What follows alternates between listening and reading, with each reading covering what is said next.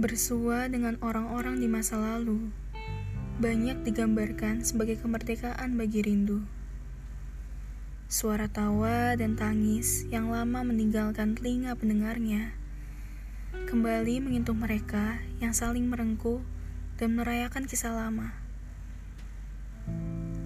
Bersua dengan masa lalu, seperti membuka koper bermuatan penuh entah berisikan barang-barang yang masih bagus, atau barang-barang yang sudah kusam maupun rusak akibat lama tak tersentuh.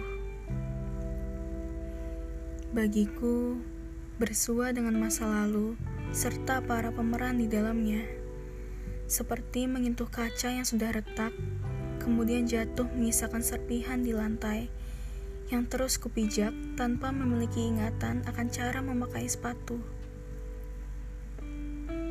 Ada waktu di mana seorang pemeran utama memasuki kehidupanku, menawarkan sepatu yang aku sendiri tidak tahu bentuknya bagaimana, namun dengan sukarela memakainya. Selama itu, aku terus berlari menggunakan sepatu itu dengan ceria, seperti seorang anak kecil yang baru pertama kali merasakan cinta sang ayah. Sampai pada akhirnya, aku menemukan bahwa sepatu itu sudah tak berbentuk lagi, akibat terlalu banyak pemakai yang menggunakannya secara berganti-ganti.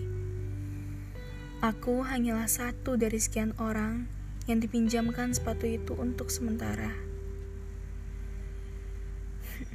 Sayangnya, telapak kakiku terlanjur mati rasa, sehingga untuk merasakan sepatu mana pun lagi, aku sudah tidak bisa. Pada akhirnya, sang pemeran utama yang kupilih menghilang setelah membaca naskah yang kupunya dan menolak untuk memainkan peran.